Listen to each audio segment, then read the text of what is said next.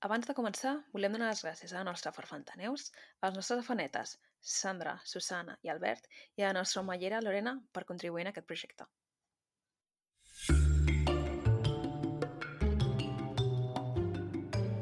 Benvinguts a Malandre Criminal, el podcast on comentem documentals de crims de la manera més cutre possible, perquè no sabem fer-ho millor.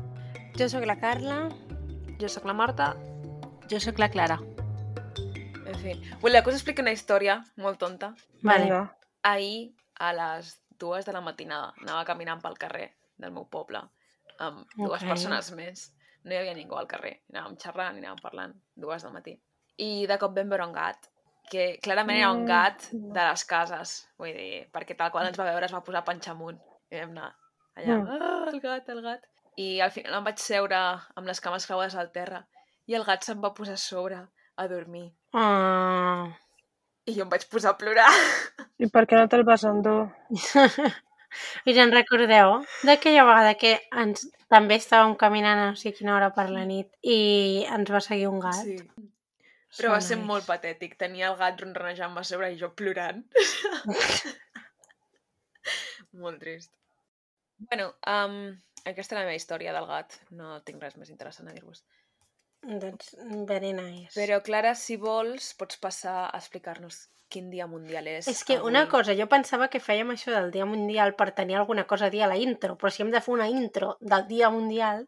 Ai, bueno, si tenim coses a explicar, Carla... No, si una tens merda. coses a explicar, sí, però en plan, si no tens res a explicar, pues passem directament. Era important lo del gatet. No, el del gatet era del gat era important. important, Sí, sí, estic d'acord. Bueno, Clara, a dia 22 de setembre, quin dia mundial és? Vale, 22 de setembre. 22 un número perfecte. Dia Mundial sin coche, Molt bé. Dia Mundial del Rinoceronte Bé. Nice. i Dia Internacional del Mimo. Però del mimo, en plan, del, del mim. Sí. sí. De la gent que fa Clar, aquí la. Marta m'ho ha escrit en castellà, en el És que està- cristiano. L'idioma del reino, clar. És que estava copiat d'alguna web. Sí. El dia sense cotxe, bé, important. No, Molt bé. important no, perquè jo no puc anar enlloc sense cotxe. Impo Bueno, jo tampoc. malament. Invalidem Important... el Dia Mundial sense No, cotxe. escolta, important, però no el portem gaire bé perquè ara dos de tres tenim cotxe. No, però nosaltres sí que el portem bé. El problema és que no hi ha transport. Ja, Seguimos. sí, això és veritat. Jo si tingués bon transport públic, també, fa, també Eh, no el eh, faria. eh, que ara la Renfe és gratis, eh? Sí, Bueno, bueno, i com ja. està. Però Ja. Però saps què passa? Que per anar a la Renfe necessito anar en cotxe. jo igual. Bueno, jo encara podria caminar, eh? Compreu-vos una bici, jo què sé. Com vols que vagi en bici per l'autovia? No, la Clara... Jo, jo puc caminar, la. Clara no. Anem a veure. Bueno, Clara, I... Muda't. del home, no. rinoceronte, pues estupendo. Important, relativament Important. Tenen pinta de ser una mica agressius, també t'ho dic. Anava a dir alguna que he vist, un vídeo que he vist avui, però ara recordo que he, acabo de confondre un rinoceron amb un hipopòtam. Sempre em passa. No, És que t'anava a dir, els hipopòtams són més agressius que els rinocerons. No, Tenen però la mateixa pipe. Quan, quan dormen sota No. l'aigua els, hi surt, els hi surt bombolles del nas. I ronquen. Dona igual. Els hipopòtams són No, criatures malvades és veritat. i violentes que ataquen a les persones sense raó de ser. Un Bueno, rinoceront t'atacarà si li toques els ous. la raó de ser és que són persones. Vull dir, jo també m'atacaria. Però tu has vist els vídeos d'hipopòtams sortint de la nada, corrent per camins, perseguint cotxes? Imagina't nosaltres fent un safari per por Fot ahí. molta por. I quina era la tercera cosa? El mim, El mim. Mm. que és la cosa que fa menys gràcia al planeta. Ja. A mi, jo és que mai ho he acabat d'entendre. Vull dir, sí, entenc el concepte, però no, no, em- no em provoca res, saps? No em transmet absolutament res. Zero. Vosaltres què en penseu dels mims? És que tinc zero opinió sobre els mims. És que és una cosa tan neutra, o plantejat sigui, en mai. plan, ni bé ni mal, Però- vull dir, m'és absolutament igual. És que ara... ex- Ah, el mim com el d'aquell joc de PlayStation. Com es deia aquell joc? El... Mim. No, el de que responies, que tenia uns, uns mandos i per respondre el trivial aquell, com es deia? Ningú sap de què parles. No. Sí, home, sí. Era un joc de respondre preguntes, un concurs de preguntes. De i mims. Un personatge era el mimo. Per començar, m'estàs parlant de la PlayStation, no tinc ni punyetera idea. Un personatge era el mim. Vale. Clara, què en penses dels mims? Que no m'agraden. Bueno, mira, tenim, tenim una resposta negativa. Per què no t'agraden? Són els teus pallassos. No em fan gràcia. Els pallassos tampoc em fan gràcia. És que realment això ha quedat ja com una mica... No sé en quin punt de la història un mim i un pallasso van fer gràcia. Quan no hi havia tele. Clar. Quan no hi havia sèrie. Clar, vull dir. Uh, en fi, voleu que comencem? No, espera, que anava a dir una altra cosa. L'altre dia estava escoltant un podcast i em vaig adonar que portaven com un quart d'hora d'intro i encara no havien dit ni que era el convidat. O sigui que vaig estar reflexionant i vaig pensar, bueno, a vegades em sembla que 10 minuts d'intro són com molt, Mm, però tampoc són tant. ja. Ja està, això era tot el que volia. Miri, jo n'he escoltat alguns que la intro són tranquil·lament 25 minuts, parlant de merda.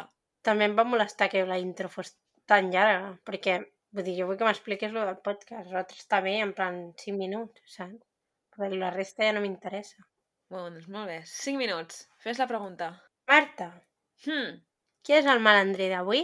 El malandrí d'avui és un senyor que es diu Bobby Joe Long. Uau. Mm. Una cosa és que acabo de Uau. pensar, perdó, eh? Acabo de pensar que hauríem de fer samarretes dient qui és el malandrí d'avui. És que és una frase bastant èpica, eh? Si ho pensa. Ningú ens entendria, jo crec. I per això, només entendria algú que fos malandrí. I ho has de posar en anglès, who's de malandri. No. Per la nostra audiència internacional, just. Who's de Realment ens malandri. escolta gent de llocs super random que no s'entén. Ahir vaig mirar les nostres estadístiques d'Evox i tenim com de, de llocs, o sigui, el nostre rànquing de llocs on més reproduccions tenim, el tercer és Japó. LOL? Qui a Japó que Perquè ens està sí. escoltant? I, I quin no- problema teniu? No, crec que... O sigui, no entenc les estadístiques d'Evox perquè no sé si són en plan, 100 reproduccions en el mateix dispositiu, en plan reproduccions totals, o si es refereix en reproduccions en dispositius diferents. Si són 7 dispositius diferents, per exemple, Quantes persones hi ha a Japó d'intercanvi? sí, no? Vull dir, flipant. Òbviament la majoria, en plan, el 99% és d'Espanya. I ja, Òbviament, és que ja em semblaria estrany si no ho fos. cert. Molt bé, ja podem seguir. Joe, no sé què has dit. Bobby Joe Long. Ah, això. El Bobby. Què us ha semblat el documental? M'ha donat tant de mal rotllo. O sigui, jo Ah, crec sí, que és horrible. un dels pitjors en el sentit de, del malandrí que dona mal rotllo, saps? El nom prometia. Sí. Digues quin és el nom, que si no s'entén. Bobby Long Joe. No, pensava que deies el nom del documental. No, del senyor. Bobby No, però Long. hi ha alguns malandrins que fins i tot hem empatitzat una miqueta, però és que aquest senyor mm, és de lo pitjor que, que, que hem vist, jo crec. No, no, no, una psicòpata. La gràcia d'aquest documental és que es divideix en, en com tres parts, no? La part de gent que són investigadors i experts que t'expliquen el cas en si, com t'explicarien qualsevol altre. Que hi ha una que ha sortit 50 vegades, no? Sí, tio, que pesada. La... Dedica't a una La altra cosa, aquella. noia. Oh, tot el dia, tot el dia aquesta. Com que té accent britànic, doncs ja està. Sí, és, és la mateixa del documental de la... Dona com més formal. De la Benet Ramsey. Sí, fa com, Sí. Fa, fa com ràbia la seva cara, oi? Sí. No us ha passat? Això, això seria com la part 1 del documental. La part 2 és una entrevista gravada directament al malandrí, el qual és explicant ell les seves merdes des del seu punt de vista, que dona molt de fàstic i molta grima. Però això està guai. Sí, però dona mal rotllo. Mm, però dona molt mal rotllo. I la tercera part, que és el testimoni d'una supervivent, el qual també Ja, que m'he quedat mola molt. morta amb aquesta història. Llavors, si voleu, ja m'hi poso. Vinga. Pues aquest senyor que es diu Bobby Joe Long, un bon dia, el 1984, maig de 1884, va conduint per un carrer de Tampa, Florida, Florida, Florida. Tot el bo passa a Florida. Sí, perquè tot sí. lo bo... Sí, bueno, Florida, man. desastre de lloc, Florida. I veu a una noia que es diu Lana Long caminant pel carrer. I com que són els anys 80, aquest senyor es para i li diu necessites que et porti a algun lloc? I la noia diu, oh, pujar-me al cotxe d'un desconegut, Oh, i tant. per suposat. Es puja al cotxe i li diu, oh, vaig a un bar, no sé què. Diu, vale, vale, doncs et porto cap al bar. No m'esteu veient, però estic fent com si el, el gest de conduir un volant així a lo Vale. malament. Molt perquè bé. sí, estic fent mímica. Um, Mare meva. Mare de Déu, senyor. Cancel·lem aquest programa ara mateix. Doncs ho pots repetir per Twitch, si vols. vale. Uh, doncs, quan arriba més o menys a l'alçada que hauria d'anar cap al bar, el tio agafa i gira en direcció contrària, no? I la tia, en plan, mm, hola, perdona, el bar és cap allà. I ella agafa i li treu un ganivet i clar, diu que ella es posa a cridar, es posa molt nerviosa, no? I am- amenaçant amb el ganivet, la lliga, aquí anem de cap, eh? Vull dir, no hi ha preàmbuls. La lliga i, bueno, pues la deixa com allà, la té el cotxe lligada, cridant, histèrica, perduda. Mm. I se l'emporta un descampat. Allà al descampat, li treu la roba, la viola. Trigger warnings, hi ha moltes violacions en aquest episodi. Literalment, moltíssim. Sí. Um, per això, la despulla, la viola i un cop l'ha violat, l'estrangula. I aquí m'he apuntat una frase, perquè llavors surt un tros de l'entrevista de, de l'assassí que ella està explicant, com sí, la vaig violar, no sé què, després la vaig estrangular, però és que aquí no portem ni 5 minuts de documental que ja el tio diu no sé, hi havia algú d'aquesta noia que em va fer ser violent, em va fer matar-la. I jo en plan, Ja. no portem ni 5 minuts. La culpa d'ella, òbviament. No, i És- a més que en tota l'entrevista diu, bueno, no sé com ho diu exactament això, però diu, la vaig agresar, vaig mantenir relacions sexuals amb ella Ah, sí, bueno, i després la vaig matar. Dius, mmm, no. igual no. Sí, en tot el documental diuen van mantenir relacions sexuals, jo això m'ho he estalviat i ho he posat tal qual.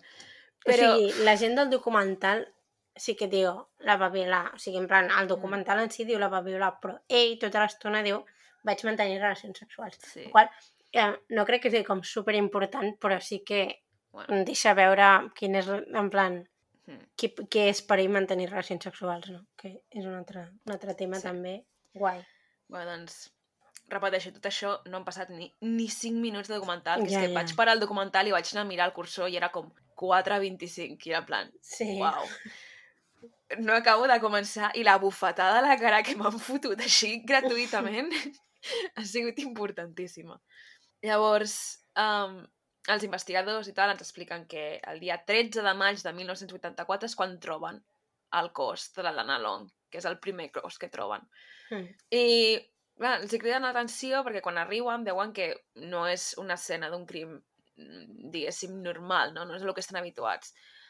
La noia, a part de despullada, està boca avall, té les mans lligades a l'esquena, les cames super separades, diuen que hi ha un metre i mig de distància entre taló i taló, i diuen, ostres, sembla que se li hagin de separar les cames del cos, quasi.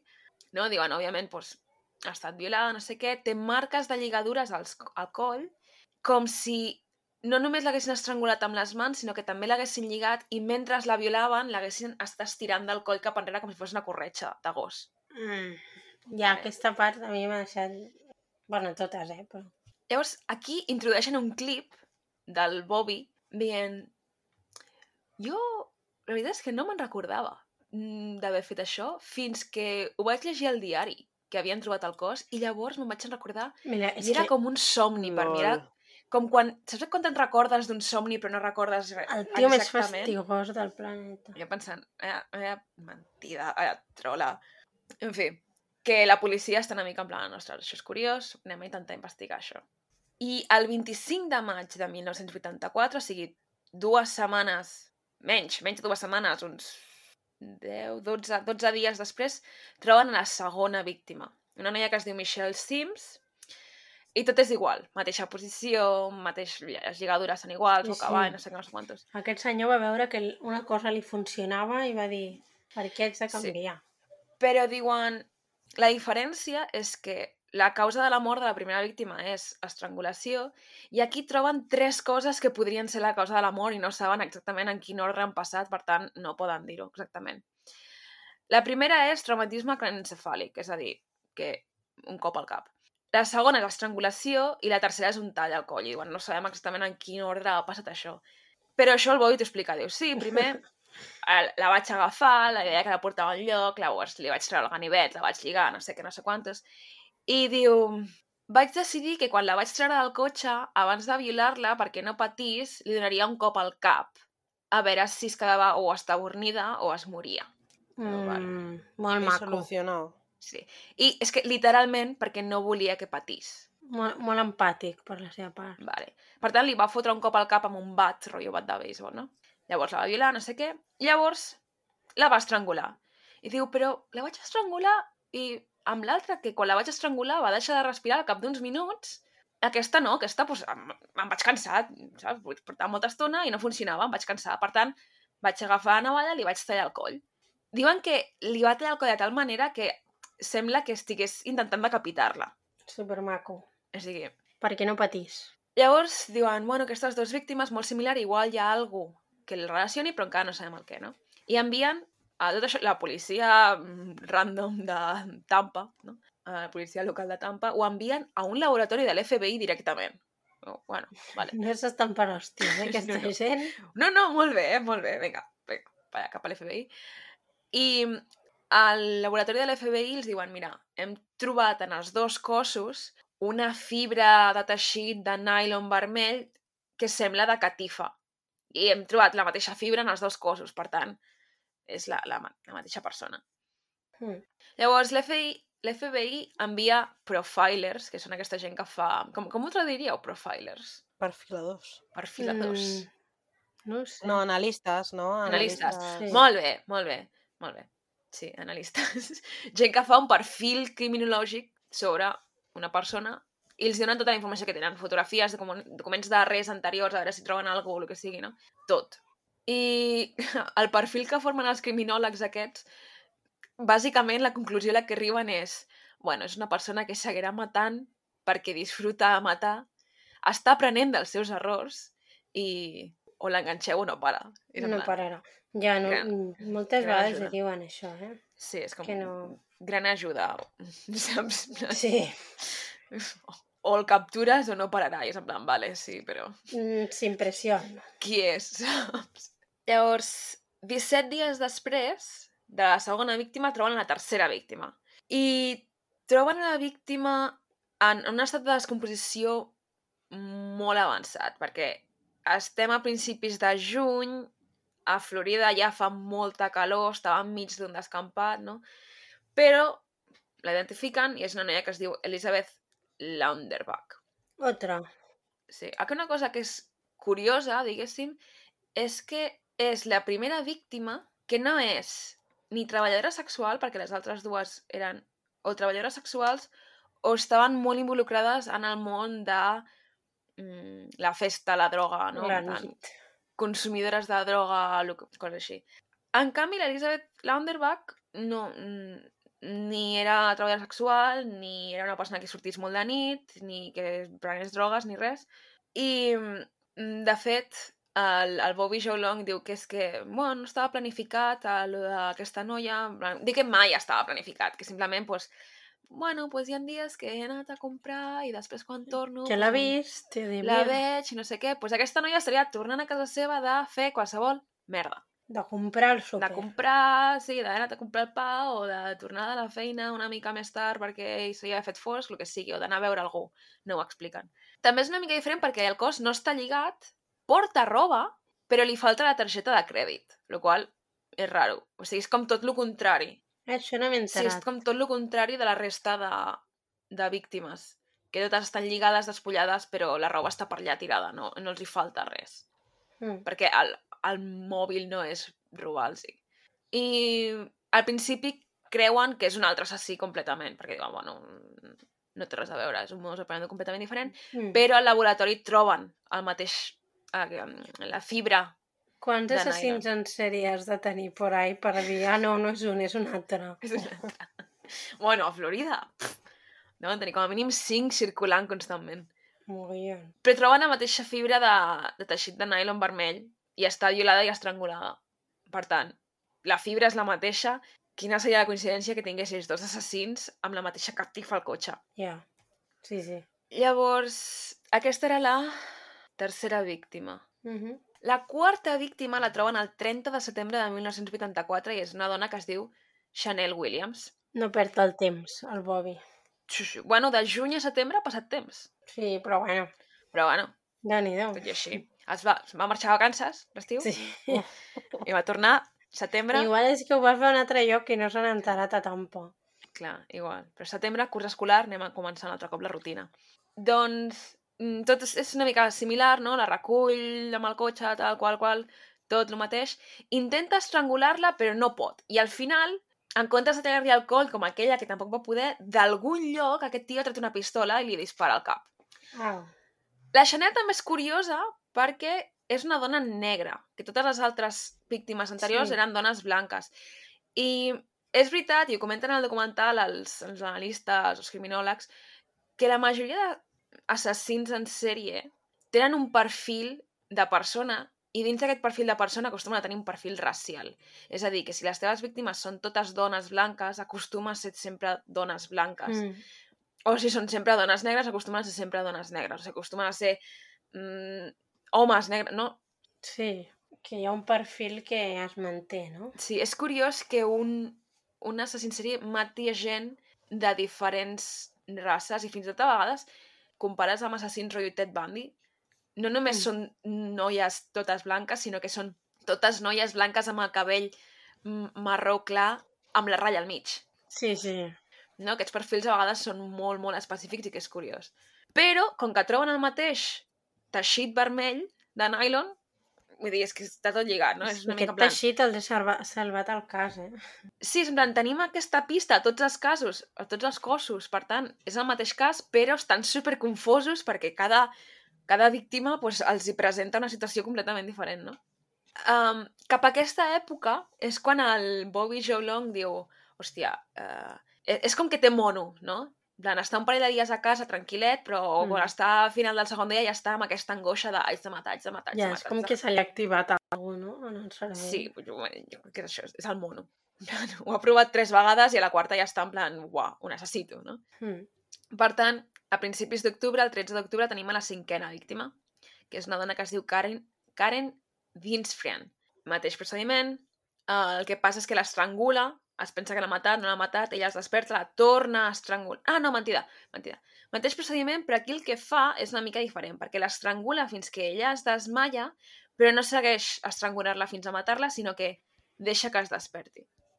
Torna a violar-la, torna a estrangular-la, fins que es desmaia i deixa que es desperti. I fa així durant bastanta estona, no? És com un, un procés de...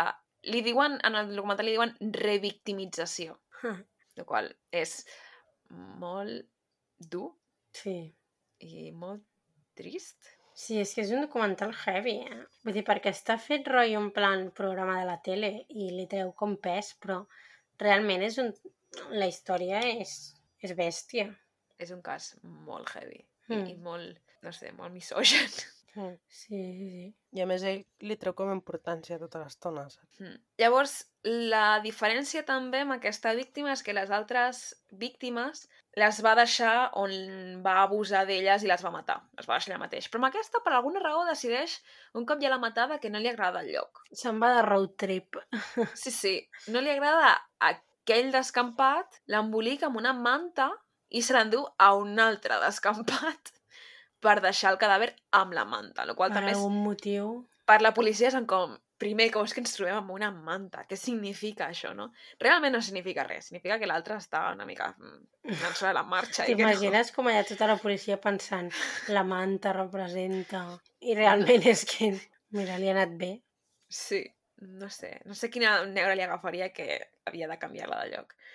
A més a més, també té el, el jersei d'ella està lligat als peus d'ella. És com que va utilitzar el jersei per lligar-li els peus perquè, no sé, no estaria planejat i no tenia suficientment corda.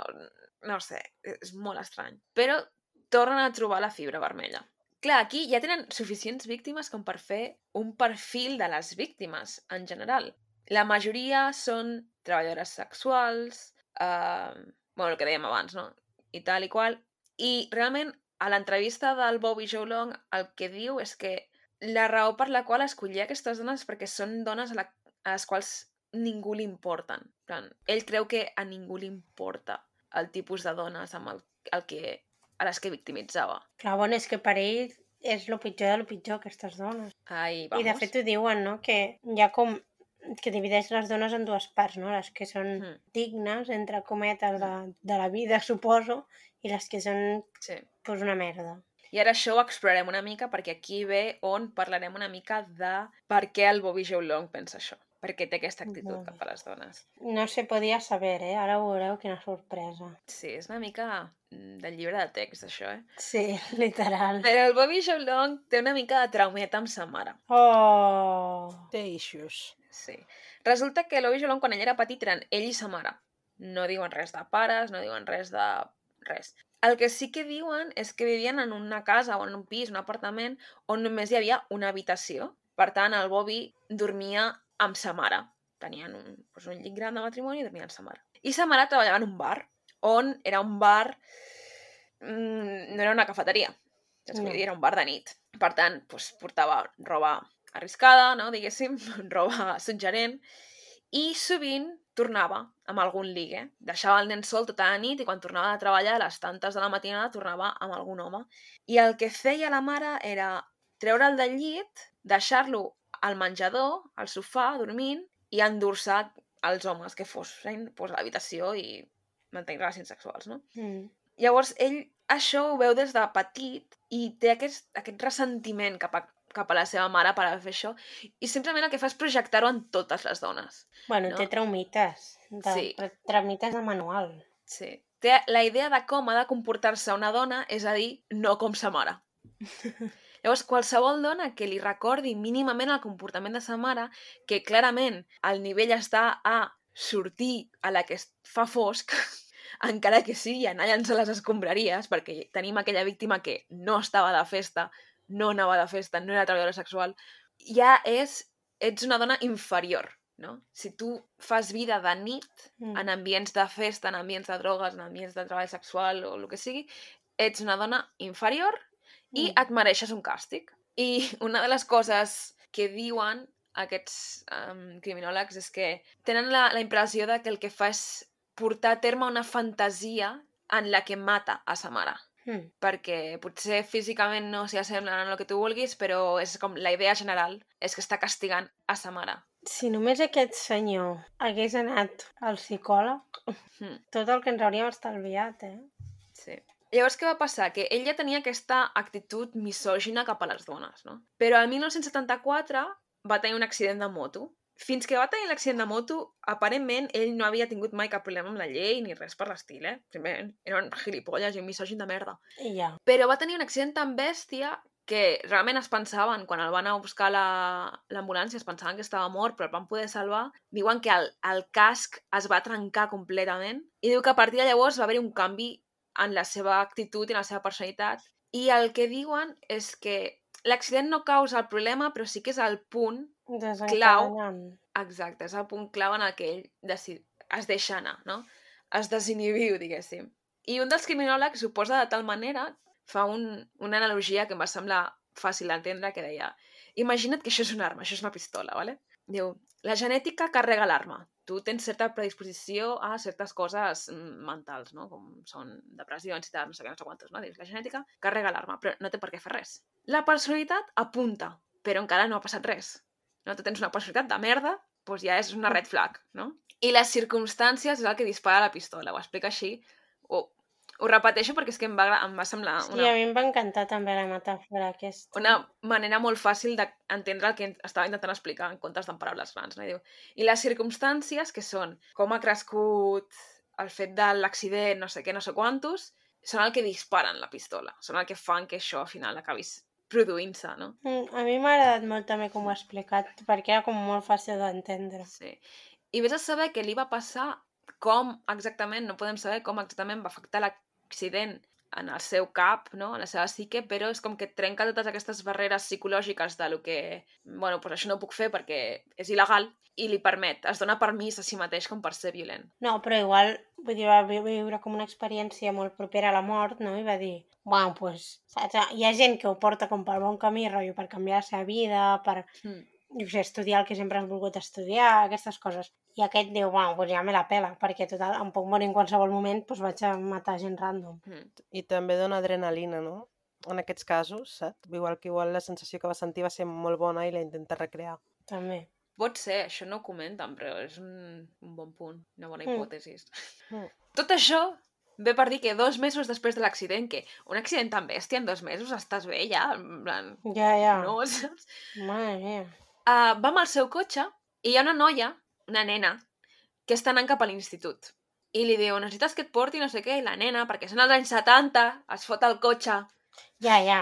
d'aquest tio. És que, Imagina't ara, eh? mare meva, no, no supero la idea de que als anys 70, als anys 80, la gent es fotés en cotxes de gent random perquè sí. És que em sembla fascinant.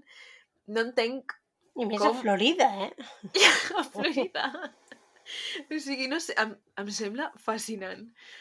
En fi, la nena s'hi fot, no? I, I no arriba a violar-la, però no perquè no ho hagi intentat. Simplement no li, no li surt bé el tema. No expliquen per què. I... Millor que no. Sí, és el seu primer arrest en tota la seva vida. I, bueno, doncs, el seu primer càrrec, el seu primer arrest, no? Però surt lliure sota condicional perquè... whatever, saps? Perquè, Perquè no sí. va arribar... No va arribar a violar-la, només ho va intentar, gent. Vull dir, no hi pa tanto, saps? Es mereix sortir i que ho provi una altra vegada, no? Exacte. I això fa, perquè el que fan els pròxims anys és mm, violar entre 50 i 100 persones, que no en té ni puta idea ni ell. Ell viola I a ja. saco paco i per la compta. I el que fa això és que, o sigui, ell associa la violació a aquesta necessitat de tenir poder i control sobre la seva vida i sobre la seva pròpia masculinitat, perquè al final jo crec que això ve també d'aquesta situació amb sa mare, de que no tenia control sobre el que passava en aquella Sí. habitació, no? I se sentia atacat. I amb, aquesta, amb aquestes violacions, amb aquesta, amb aquesta manera d'entendre la relació sexual, com que reafirma el fet de que ell és l'home de la casa, eh, que ell té el control, que ell té el poder. Mm. El qual, vomitiu. Sí, sí, òbviament. És que, no sé, bueno, suposo que és perquè està malalt, no? Del cap, no sé. Sí, al final sí. És que Però no li pots donar molta més explicació. aquest documental és d'anar parant-lo cada 5 minuts i fer... I descansar. Sí, sí, "Ugh", Vomito. literal. Bueno, cada vegada que surt el, les entrevistes Cada vegada tio. que surt l'entrevista amb aquest tio, és que a més té una cara que... Sí. Mm, A més, horrorosa. t'explica tot amb un somriure a la cara. Clar, clar, és que el que més ràbia fa és que no entén la gravetat del que ha fet, jo crec. Jo crec que sí. Jo Crec que crec sí que que ho no. entén, que és greu, però que ho disfruta. Perquè no és un somriure de soc gilipolles i no estic entenent què està passant al meu voltant. És un somriure de soc millor que tu, Bueno, igual sí. saps? Sí. És això. eh, eh. Llavors, com violava la gent? El que feia durant molt de temps, el que va fer, abans de graduar-se a matar, era buscar gent que mm, publiqués anuncis als diaris de uh, venc al meu sofà, perquè jo no el vull, venc la meva tele, venc aquest moble, saps? Mm, truca'm i si acordem un preu no sé què, vens a casa meva i el reculls. Rotllo... Qui compra un sofà per Wallapop, saps? Sí. tela. Rotllo allò. I el que fa és trucar. I si li contesta una dona, va, queda amb aquesta persona, no? I quan va a casa de la dona, mira que estigui sola i l'ataca, la viola a casa seva. La diferència entre el que ell diu, i he posat entre cometes, amb les dones normals, és que Mhm. les castiga igual, perquè dona igual que si, no siguis una treballadora sexual, una persona que viu en l'ambient de la nit i la festa. Pel simple fet de ser dona, eh, no mereixes. Però ell sí que distingeix, perquè no t'estic matant. Ja.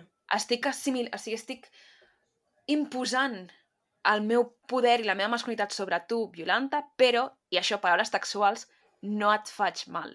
El qual és mentida, com una casa, eh? Sí. Però ell considera que violar-les no és fer-los mal, és posar-les al seu lloc. Res, sí, sí, lo normal, vaja. A les que fa mal és a les que mata perquè es mereixen. Estan mortes. És que no es pot entendre això, eh? Llavors, clar, és això com...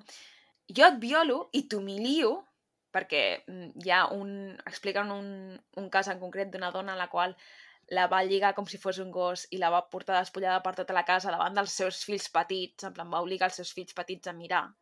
No, sí, jo et violo i et faig passar per la pitjor humiliació de la teva vida, però dona'm les gràcies que no et mato, no t'estic fent mal. Ja. Plan, És que s'espera que li donis les gràcies.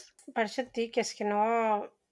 És que jo què sé, ho hem parlat moltes vegades, però jo què sé, no, no, no es pot entendre, saps, això. No, no, Clar, amb aquesta gent què fas? Perquè al final es pot tractar això, saps? No sé, no, no som en plan expertes ni res, però Pots fer-li molta teràpia, però jo crec que aquesta persona a aquest punt està molt anada, eh? En plan, és que està molt, molt, molt fatal. És que a aquesta més li has de persona veure la cara mentre Necessi- s'explica, necessitava teràpia als 7 anys, saps? No als Sí. 52, quan, Exacte. quan ja està passant tot això. Que també la necessitaria, eh? Però... Sí, sí, que malament no li, mal no li faria. No, hombre, aviam, òbviament. Ja es nota, no? Com ha acabat de gran. És que, madre mia, està piradíssim. Però és que a part, jo crec que no, no té com... No entén que hi ha conseqüències a les accions, saps? A Mm. mi em dóna aquesta sensació. O igual sí que, sí que ho entén i se la pela. O Com que no... mm, Em surt en anglès. Com que no...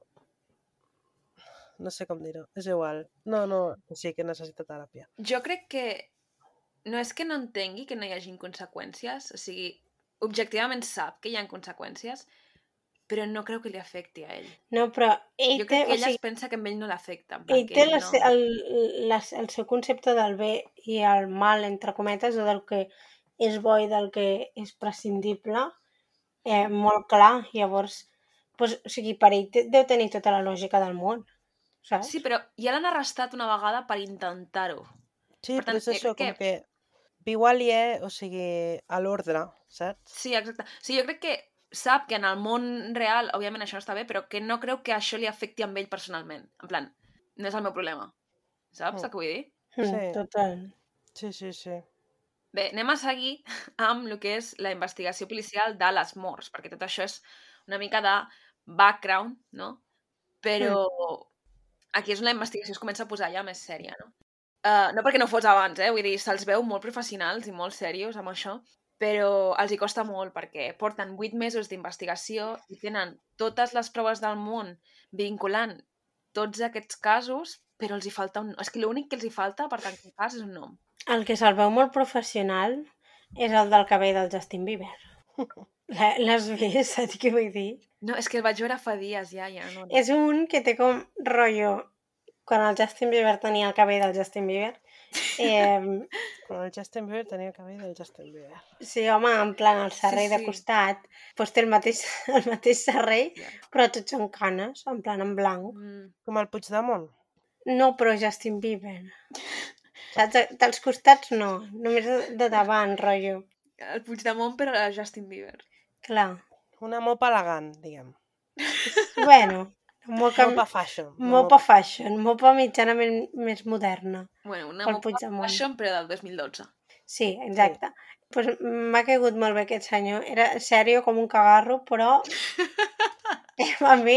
m'ha- mira, té cara de, de ser eficient. No, i tots els policies, que crec que n'han sortit dos o tres, la veritat és que ara no ho recordo, però els policies que han sortit en aquest documental m'han semblat, en plan, que me'ls Sí, he pres sí. en sèrio, saps? Sí, sí, sí. Cosa que amb els d'aquí no, no, No. no ens passa, eh? No, no. En fi. Cosa estranya. Ens passa amb els de, amb els de Florida i no ens passa amb els d'aquí. Bueno, és que, buah, no sé què queda més avall, si Florida o Espanya, saps? O sigui, no s'hauria... Ah, pensava que deies, pensava que deies com físicament en el mapa i anava a dir, home, No, sí, sí. No. No, em refereixo en quant a mm, desgràcia de zona i de país. Hi ha molt Ja, personatge, eh, als dos llocs. Ja. Molt, molt, Bueno, molt. cap i a la fi, Florida no deixava de ser una colònia espanyola, o sigui que... Ja. Ja. Jo diria que Florida perquè al final són americans, però... Clar, és que tenen doble... Ja. Do- A close doble- one, eh? Però clar, és que la Guàrdia Civil al final són espanyols, saps? No, clar, sí, sí, ho he pensat, tal qual ho he dit, Clar. ho he pensat. Bueno, Ion. Ai, ai, la Aquestes Guàrdia. Civil que escolti Vinga. això. un dia més guanyant-nos una denúncia. Bueno, de moment no en portem cap, tampoc Bueno, no he dit cap mentida. No? Que ponen tu DNI. Toqueu fusta, toqueu fusta. En fi.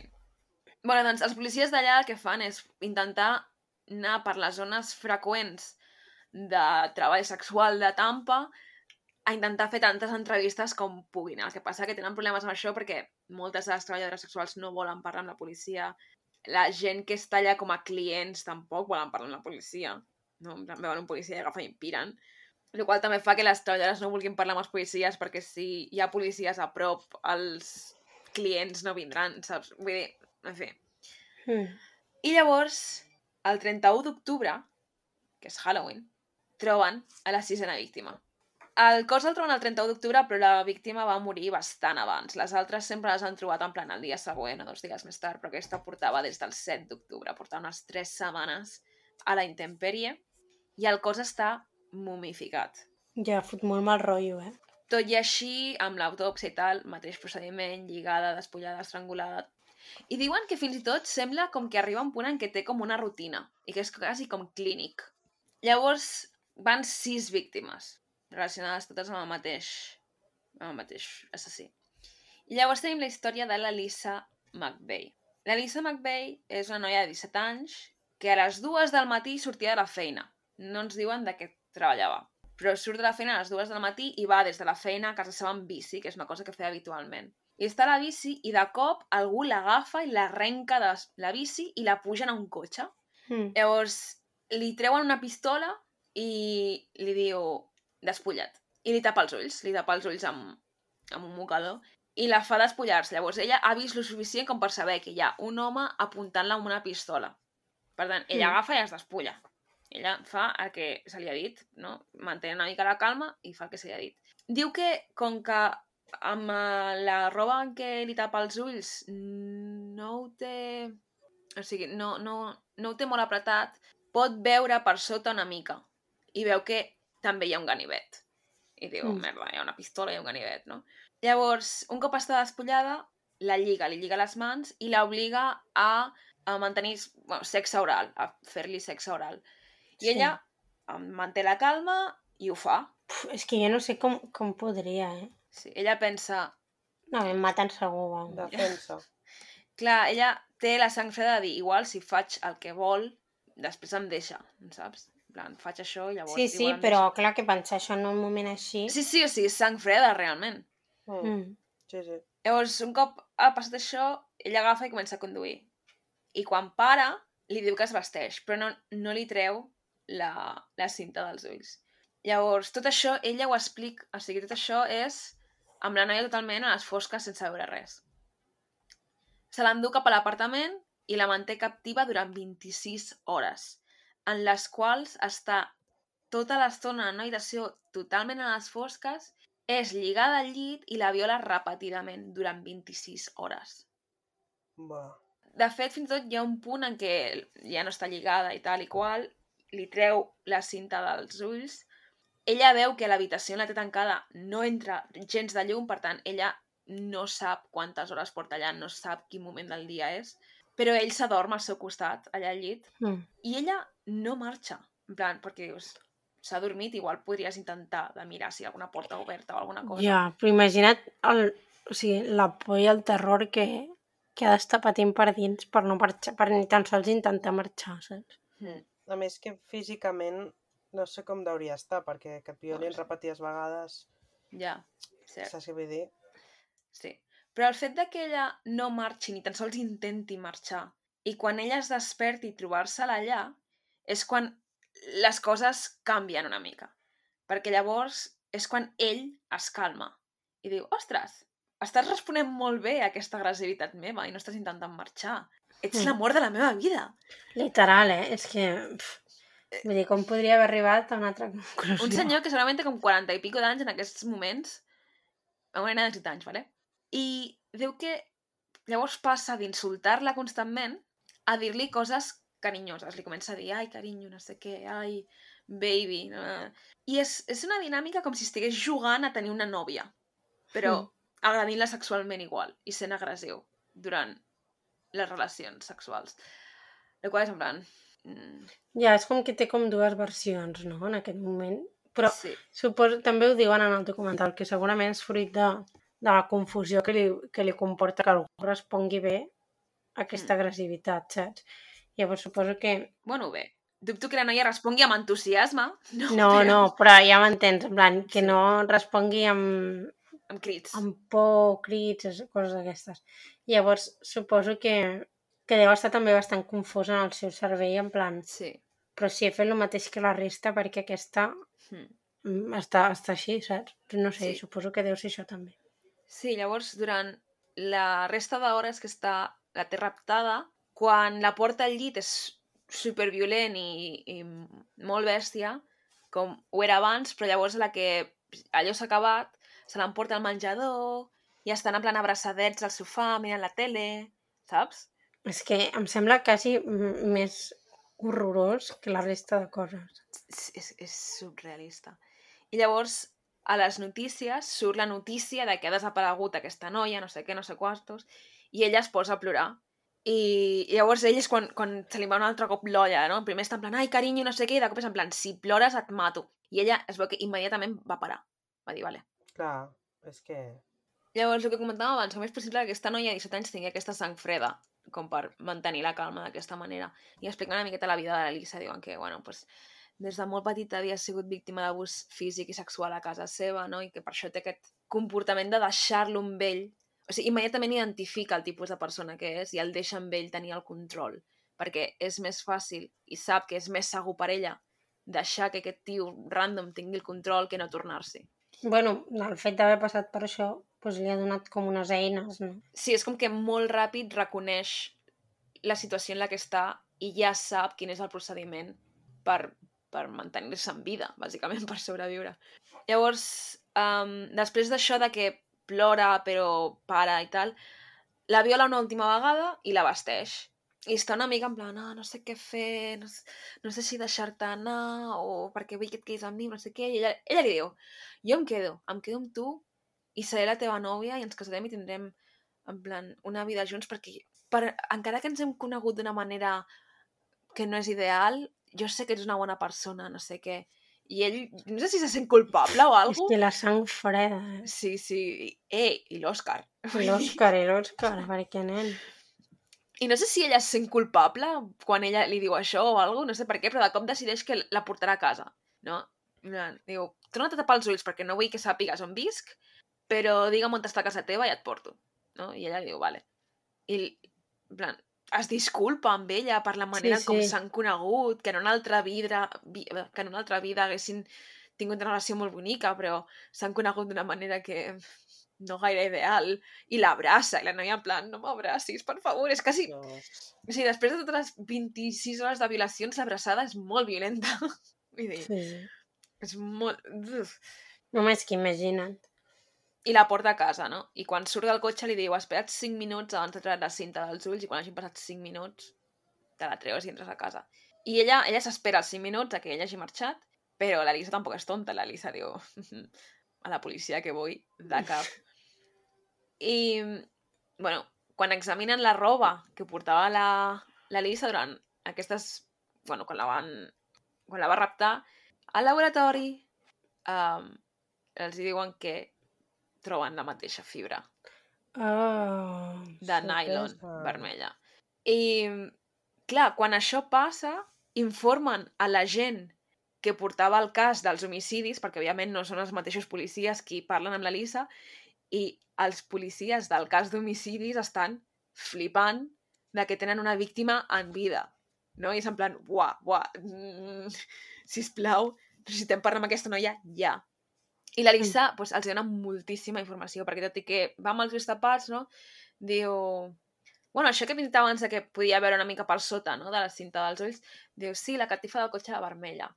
I en el cotxe he vist que hi havia la paraula Magnum gravada, en plan, al salpicadero i tal. I és diuen, que vale, és una reina, eh, la Lisa. perfecte, tenim el model del cotxe, tenim, sabem quin cotxe, o sigui, quin cotxe porta aquesta persona. Per tant, anem a vigilar pels carrers, on normalment hi ha treballadores sexuals, i a la que apareixi un cotxe així, el parem i s'entrevista la persona. I se li agafen les dades i es mira després si aquesta persona té antecedents o el que sigui. No? Mm -hmm. I en aquell carrer, en el carrer aquest de Tampa on hi ha moltes sales sexuals, el paren, no? El paren, li fan una foto i és com a qualsevol persona que tingués aquest cotxe paraven i li feien una foto. Que això de fer-los la foto a la gent, no sé fins a quin punt, Ja, és, és, normal, sí. és normal. Ja. Plan, si teníem permís per fer això? O sigui, bueno. Qüestió, que porten aquestes fotografies de totes les persones que, tenien, que han trobat amb aquest cotxe a la Lisa i la Lisa immediatament el reconeix. I van arrestar-lo. I el troben que està sortint del cine. El Bobby Jolong està sortint del cine tan tranquil que...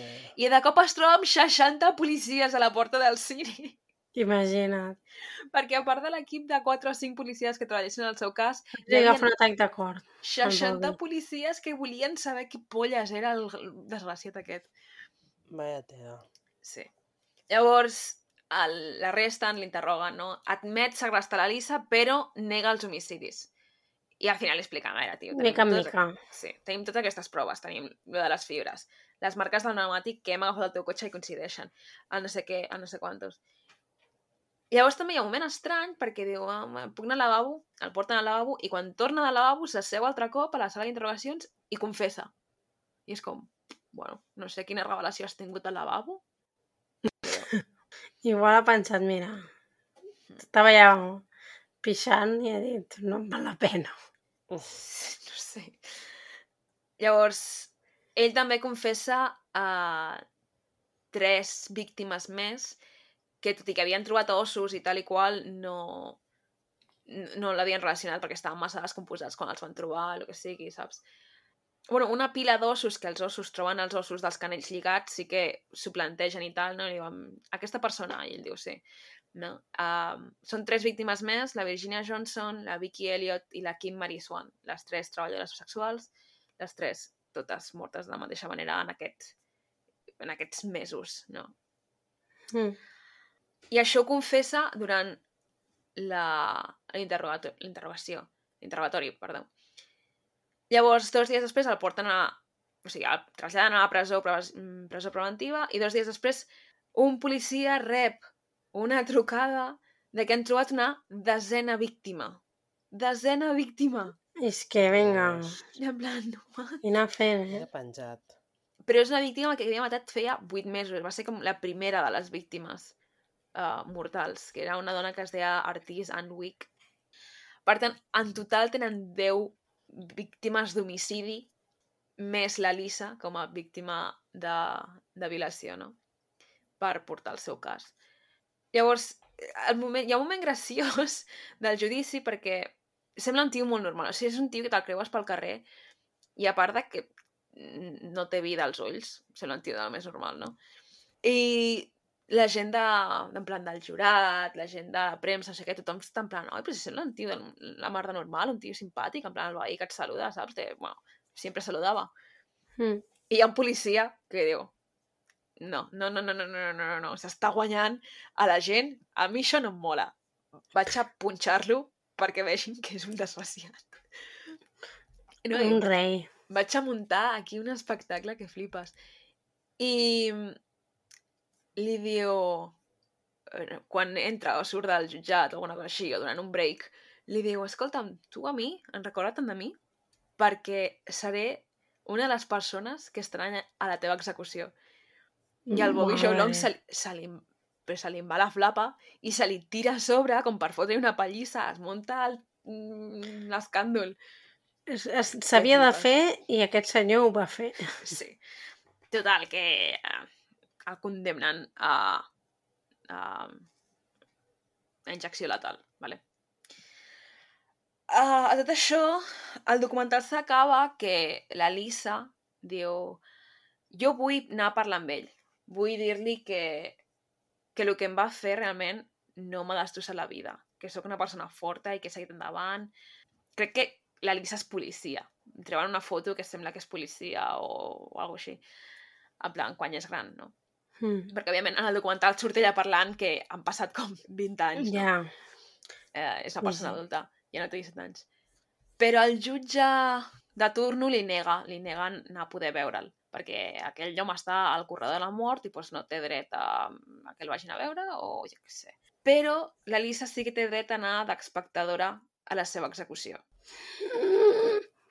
Que fort. I així s'acaba el documental. Xan, xan. I jo he buscat, perquè no sé de quan és el documental, però té una pinta de ser del 2011 eh, important. I jo l'he buscat. I segons Viquipèdia, Bobby Joe Long va ser executat el 2019 per injecció Molt letal Pues fa Collons. poc. fa poc, però en cap lloc vaig trobar si l'Elisa havia anat o no. Assumeixo que sí, és, vull dir, és una cosa important per ella. Però, sí, sí. Vaja. Bueno, mm, pues aquest home és mort. Vosaltres haguéssiu anat? Jo crec que no. No, no, no, jo crec que tampoc. Pues no ho sé. Jo no. Jo crec que no, perquè crec que tampoc t'aporta res, saps? Exacte, això no Probablement Més dolor que una altra cosa. Ja, què m'hagués aportat? No. Voler saber-ho, sí, que m'haguessin avisat, Però- sí, però... Hi ha gent, hi ha gent que va a aquestes coses per plaer. Sí, com per venjança. O sea, No, home, però entenc que no, plan- no és el mateix. Vull dir, vols No, dir? no, no, no en el cas d'ella, però em refereixo que hi ha gent en general a la vida que va a aquestes coses per plaer i jo és que no hi podria anar ni amb una persona que conegui ni amb una que no. No, i amb una que em sigui exactament igual, és que ho trobo com... No, però crec que ja no, grotesc. no pots anar, eh, així del random a una execució. Ah, no? No tinc No. idea, eh? No tinc idea. No, no, no. Poden anar persones en concret que el jutge doni permís, rotllo. Els policies que Ah. van investigar el cas, víctimes, familiars de les víctimes, persones en concret poden anar. Però juraria que no, no, ja- no són públiques les execucions, ja. Vale, vale, no, no, ja em sembla bé. És que abans es, abans es anaven, no, la gent? En plan, tu et deien tal dia ve Sí. tal. Sí, sí, sí. És que no flipeu que segueixin a, a venir execucions. Sí, bueno, això Ja, ja, és una altra sí, cosa. sí, Sí, sí, és- Ja sé que és un altre rotllo, eh? Però No, no, Ja. En vergonya, momento? una casa. És... Però, però també encara em sorprèn més la gent que li dona plaer anar a aquestes coses, saps? Així en general. Ja. En fi. És, És, és dur el cas. Sí, oi? No, no m'esperava que fos tan bèstia quan Sí. el vaig triar. jo quan he vist el rotllo de que anava pensava que seria com una xorrada d'aquestes de... Tam que ens traguem a expliquen vegades. molt del chill, saps? Sí. Que hi ha moments que no li donen la importància, potser, o la serietat que mereix. No bueno, a mi, Bueno, perquè és un programa de tele, saps? ja, és un sí, programa, sí, d'aquests de diumenge És matí. com Crímenes Imperfectos, però... Sí, una mica, però un altre Mm. nom té. Sí, M'ha agradat la manera en com els, els criminòlegs explicaven, que criminòlegs que no estaven al llavors, però t'expliquen com experts, Sí, que ho fan com molt didàctic, saps? O sigui, jo trobo que més que treure-li eh, palla a l'assumpte, més que treure-li treure ferro a l'assumpte, perdó, més que res és, és que ho intenten, t'ho donen molt mastegadet, sí. perquè entenguis. Uh, Clar, és que si és un programa de la tele per americans... Ja. Vinga! Ja ens estem guanyant un altre col·lectiu. No, enfadat. però aviam, això ho sap tothom. Vull dir, també ho saben ells també, no passa res. Sí. Sí. Americà fa, fa gràcia perquè ha, no sé a on ho vaig veure, si al TikTok o Twitter o Reddit o coses d'aquestes, que posava que és una cosa que us agradaria que eh, la gent dels Estats Units sapigués sobre ells mateixos. I diuen que la resta del món es pren als Estats Units com als Estats Units es pren Florida. Tal qual. I crec que ve superbé en, en aquest cas. Sí, clar, Sí. està... En lo bajo de lo bajo està als Estats Units i dins Estats Units, Florida. Clar, doncs per la resta del món, Estats Units és mm, com Florida per Estats I Units. Texas, eh? Vull dir... Tex sí, Texas. Sí, sí. Però res, si ets dels Estats Units, en veritat tampoc ens caus tan malament tu personalment. No, No, hi ha americans majos. és la idea, és el personal. concepte, sí, exacte. bàsicament.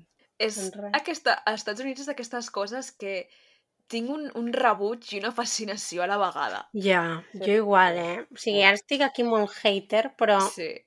Però a vegades és fascinant. Tot Sí. lo americà és fascinant, és increïble. sí, sí. Bueno, perquè és tot com a lo gran, no? No, però I- ja, en plan, la manera que tenen de fer les coses, en plan, la seva història, és, a mi em fascina, em sembla superinteressant. I et dones compte que has crescut quan deixes d'idolatrar els Estats Units. No, no et passa? Sí, Sí. sí. Quan reconeixes que Estats Units no és Estats Units de les pel·lis. Sí, Sí, no, no, menges és- el cuento de Hollywood. No són les sitcoms. Doncs res. Bueno, Carla, vols ficar un emoji? Eh, emoji és la bandera dels Estats Units. Hòstia, això és molt genèric. És molt patriòtic. Una, una, mm, una taronja perquè la taronja és la fruita oficial de l'estat de Florida. Ok. Uau, doncs vinga, Vale, va, taronja. una taronja. Crec, igual m'he tret de... Veràs que no serà. Ja. I estem donant informació falsa. Um, Orange, Orange County Fruita està a of- Califòrnia, eh? oficial Florida. Que hi ha alguns estats que tenen un ocell oficial. Hi ha alguns estats que horrible. tenen una... Tenen, tots tenen unes coses oficials, eh? Una flor Sí. oficial, un, un animal oficial. Una, una cosa de la matrícula, també. Que jo crec que sí, que Florida Orange. Ai, merda, Safari no pot trobar aquesta pàgina. Mare meva. Molt bé. Florida... Vaig veure què posa la matrícula de Florida. Que és que les matrícules de Florida hi ha... Sí, veus? Sí, les matrícules Sí, de una taronja. Diu Sunshine State. I les matrícules hi ha mm, taronges. Una taronja i un sol, Es Molt creu bé. en València, no? que és el? Sunshine State. Molt bé. Doncs pues ja està. Pues una mà. Pots comptar com deuen estar de gust les taronges de Florida, tio. És que Ja, que escafa. menys de gust que les taronges de Florida i a mi m'agraden molt les taronges. No deu tenir-vos res, allò. No, I segur, no, segur és que les fregeixen. Sí, o les posen amb sucre, saps allò? Sí. Ah, Sucre sí. flambeado o algo. És que són uns desgraciats. Sí que ho dic, de veritat. És que, L'ha despertat jo- el seu odi cap a, cap No, als sí. Estats Units. ja ho he explicat 70.000 vegades, però és que la vegada que vaig anar a Nova York vaig menjar tan malament, nivell heavy, és que fins i tot quan em demanava verdura em venia plena de mantega o algo, tio, que... O sigui, estàs carós, allò, per favor. Gent, mengeu normal. La verdureta, una, una mengeta tendra bullida amb Sí, tot patata. t'ho foten amb la mantega, o vinga, t'ho foten allà fregidet... Les, és, que, és que em puc imaginar la taronja. Oh, La, la taronja també amb mantega, fregida, mira, ja m'han indignat. Ja m'han indignat. sucada amb sucre Ai, i amb xocolata per sobre i tornada a fregir. Segur que hi ha una Sí, cosa sí. d'aquesta. Tio, que... Un per la oreos. Eh, Fregeixant ja. gelat. No, fregeixant gelat. És que en quin moment... És fregeixen molt raro. És que fregirien a la seva iaia, si poguessin. Escolta'm, l'altre dia on vaig veure com, com fregien Doritos, llavors els hi posaven com, com els marshmallows, saps, desfet. Que asco. I Però una cosa, de- els Doritos no venen ja fregits o Oh, sí, hornejats, però o els el hi que posen, saps aquella pasta, saps aquella pasta Ah, del corn sí. dog? Sí. És Pues- farina i aigua, bàsicament. Exacto. I, i sucre, Mm. segur, alguna cosa d'aquestes. I llavors es fregien I i sal, li, li posava marshmallow desfet per sobre I i s'ho menjava i fotia cara de que estava molt gilipolles. I dic, "Hosti, jo? Però no heu que- vist, no heu vist aquella, aquell vídeo de una que es diu que va fer nachos i literalment en tota la taula comença a ficar-ho tot a Oh, sobre la Ho taula, vist, o sigui, vist, un, un, un muntó de nachos allà sobre la taula, un muntó de formatge allà a la taula. Cap o sigui, plat. No, no, directament a sobre la taula. Per què? No, no, ho he vist, ho he vist. I la vist. carn dels nachos i no sé què, però tot literalment a sobre la taula. Per què a la taula? Guacamole. Jo què sé, però en plan, és que després l'has de netejar. En Però plan, no entens. Omplint tota la taula o simplement tot, enmig tota la la taula. taula? No, no, tota la No, taula, tota la taula. Ple de les coses que poses en, un, en, un, en I, uns nachos. escolta una cosa, Què i tens en contra dels pasta, bols? dels es creava una pasta que semblava la, la vomitera de la Sally, saps? Tot, I quan vomita trobes, dius, hòstia, mira, una arandela, un no sé què. Doncs pues era igual. Era o sea, fastigós, vull dir, tenia una pinta horrorosa que algú els hi tregui les cuines, aquesta gent. Sisplau. Uau. Després demanen, o sigui, demanen, hi ha com una... És que he vist algun vídeo a YouTube de tal que són com menjars que et venen mig preparats, no? Hi ha com... Però no en plan, no sé, com coses normals. És, és que igual et ve com un pit de pollastre i literalment l'has de posar en una, en una paella i, i fregir-ho i ja està, saps? Però això els hi han d'explicar, els hi han de donar unes instruccions. Clar. I llavors els hi porten la sal ja eh, en un potet ja pesada i la pebre i les espècies i literalment l'únic que han de fer és passar-ho a la paella i llavors pues, necessiten com unes instruccions i algú que els hagi passat prèviament la Que sal això que han ja de és posar. molt, perquè clar, si també ho pots fer fent clic al microones, què més dona? No, és que escolta una cosa, aquesta gent menja cada dia pancakes i en sa vida ha preparat un pancake des de zero, quan literalment és aigua, I farina farina. i poc més. És que ho Ja. compren, són I tot, tots, són, tots són mix d'aquests, de per fer un brownie ja et ve tot fet i l'únic que has de fer és posar-los ous. Vull dir, es Ponle ve, agua. i diuen, i diuen I és cuinar. casero. Saps? No, no, no. I t'ho Plan, sí, sí, vendran sí. com a casero. Homemade, homemade brownies. I li ha fotut ahí uns polvos del, de l'ave crem. És Farina, cacau en pols, és que no té més, eh? Bueno, Ho he fet gent. 50 Més. vegades. Uh, els líders Hate del món lliure, no són? Home, Sí. The Land of the Un dia podem fer un podcast especial coses que odiem d'Estats Units. I Oh. una llista. No, hauríem I de fer un sense- podcast que es digui coses que odiem, en general, perquè és que Bueno. tenim moltes. Llavors, cada episodi, feu Mm. una. La Mira, per Renfe. acabar, Mira. per acabar, Marta, que és una cosa que odies?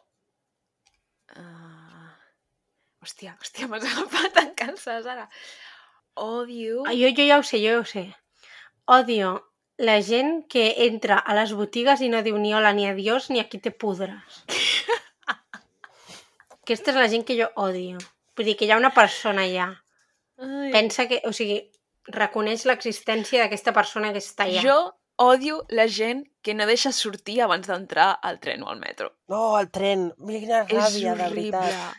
És I horrorós. a més és en plan burro, que estàs... O sigui, què fas? Estàs fent tap! Sí, Ni tu estàs entrant ara? i jo estic sortint! Què estem fent? sí, sí. sí. Clara, tu què odies per acabar? Doncs mira, ara, ara ho estava pensant, que jo també m'he deixat pròpiament en bragues, perquè ho pregunto jo i no m'he pensat la resposta. Però aquesta del tren és, és molt bona. no, eh? pensa una altra, que aquesta Sí. ja l'ha dit la Marta. Aneu xerrant, aviam. Deixa'm pensar. Oh, la gent que no sap el que són els auriculars en llocs públics. No. Ja, mira, Oh. mira. Però és que no vull sentir la teva música de merda. Posa't uns auriculars. És que ni que m'agradés la teva música, posa't uns putos auriculars, tio. En plan, No Mm. cal, Sí, sí, sí. No cal. A part que sempre és, és això, sempre és música de merda. Mira, saps què odio? Què? Les iaies de la cua del Mercadona, Carrefour o el que sigui. Perquè sempre s'intenten colar, tio. Quina pressa tens, si t'has jubilada? Aviam. És que, de veritat, Pues-. Pues relacionat amb això, quan anava a l'institut, hi, hi havia davant de l'institut un condis que tu podies anar i et feien un entrepà al- de 11, 11 i mitja. Vull dir, a part de les coses normals de condis, doncs feien entrepans. I és que sempre, sempre, o sigui, sempre era la mateixa hora, de 11 a 11 i mitja. I sempre, sempre, sempre hi havia les iaies fent la compra a les 11 i quart. Quan hi havia, literalment, tots els alumnes de, de, allà ficats demanant entrepans. O sigui, no pots anar qualsevol altra hora que no tens res a fer. Qualsevol dit que altra. no tot iaies, que la meva iaia sempre fa la seva cua. No, ja, però ja no és en plan el que faci cua o no faci cua. És que era un condi superpetit i sempre a la mateixa hora que anava tot Cristo. Però no us ha passat mai que esteu a una cua i de cop apareix una iaia salvaje per allà i fent-se la loca, mirant per dalt, per baix, ja se't fica davant i quan li dius alguna cosa s'ofèn, perquè s'ofenen, y claro, es que como soy jubilada no entiendo muy bien, es una puta cola, señora. Desde hace mil años hacen las mismas colas, es que, va, por favor. Cuando usted no estaba jubilada no hacía colas. Claro, no, es que como soy mayor no entiendo bien, ¿qué vas a entender? Es una cola, no ya, por favor. No me quede, Oh, por favor. Bueno, Sí, sí. uh, Res, s'acaba aquí. una taronja i un solet, no? Sí. Una taronja amb una mica de sucre, Una mica de sucre. I una mica de No. De mantega ahí ben embatornada. I a tope. Adeu. Bona nit. Eh, bueno, Adeu.